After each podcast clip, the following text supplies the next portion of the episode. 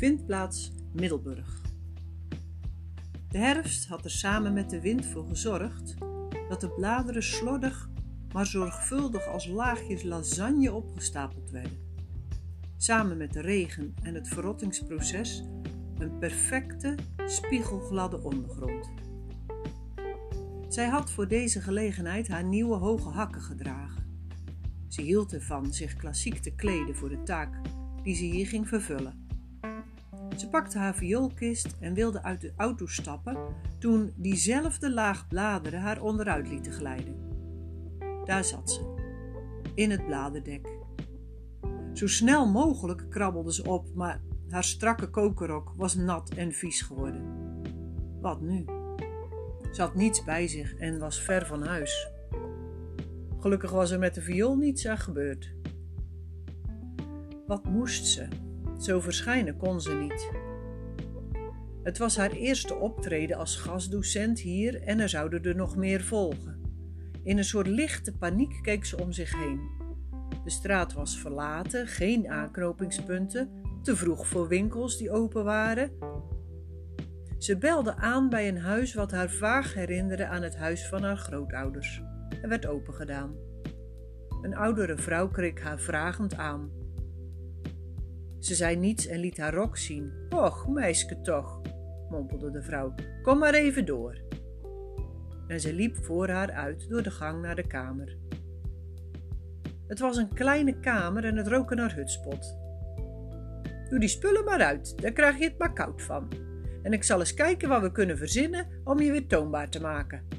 Je moet hier zeker tegenover zijn met die viool. Daar beginnen ze om half tien, dus dan hebben we nog even. Toen ze haar kleren uittrok, verdween de dame naar de keuken en kwam terug met een hete bak koffie. Ga daar maar zitten, meisje, zei ik ben Toos. Ze werd aan de eettafel gezet.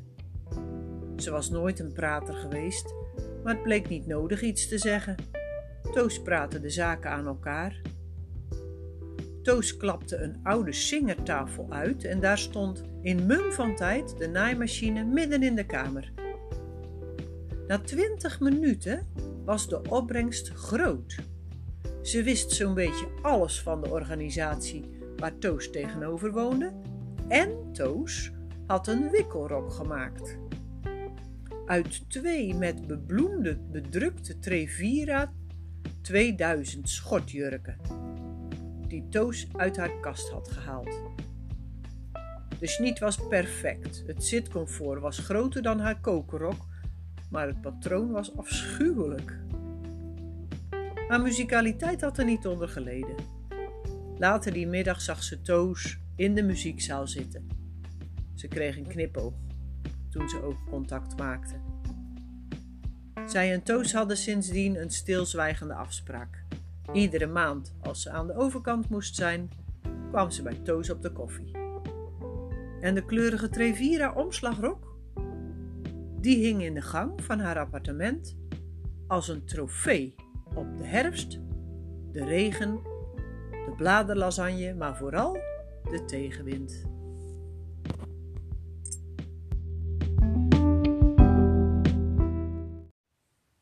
Wat leuk dat je naar mijn podcast Bananenschillen hebt geluisterd. Ik ben Helene de Winter en als je wilt kun je deze podcast volgen en delen. Ik zet iedere week een nieuw verhaaltje online.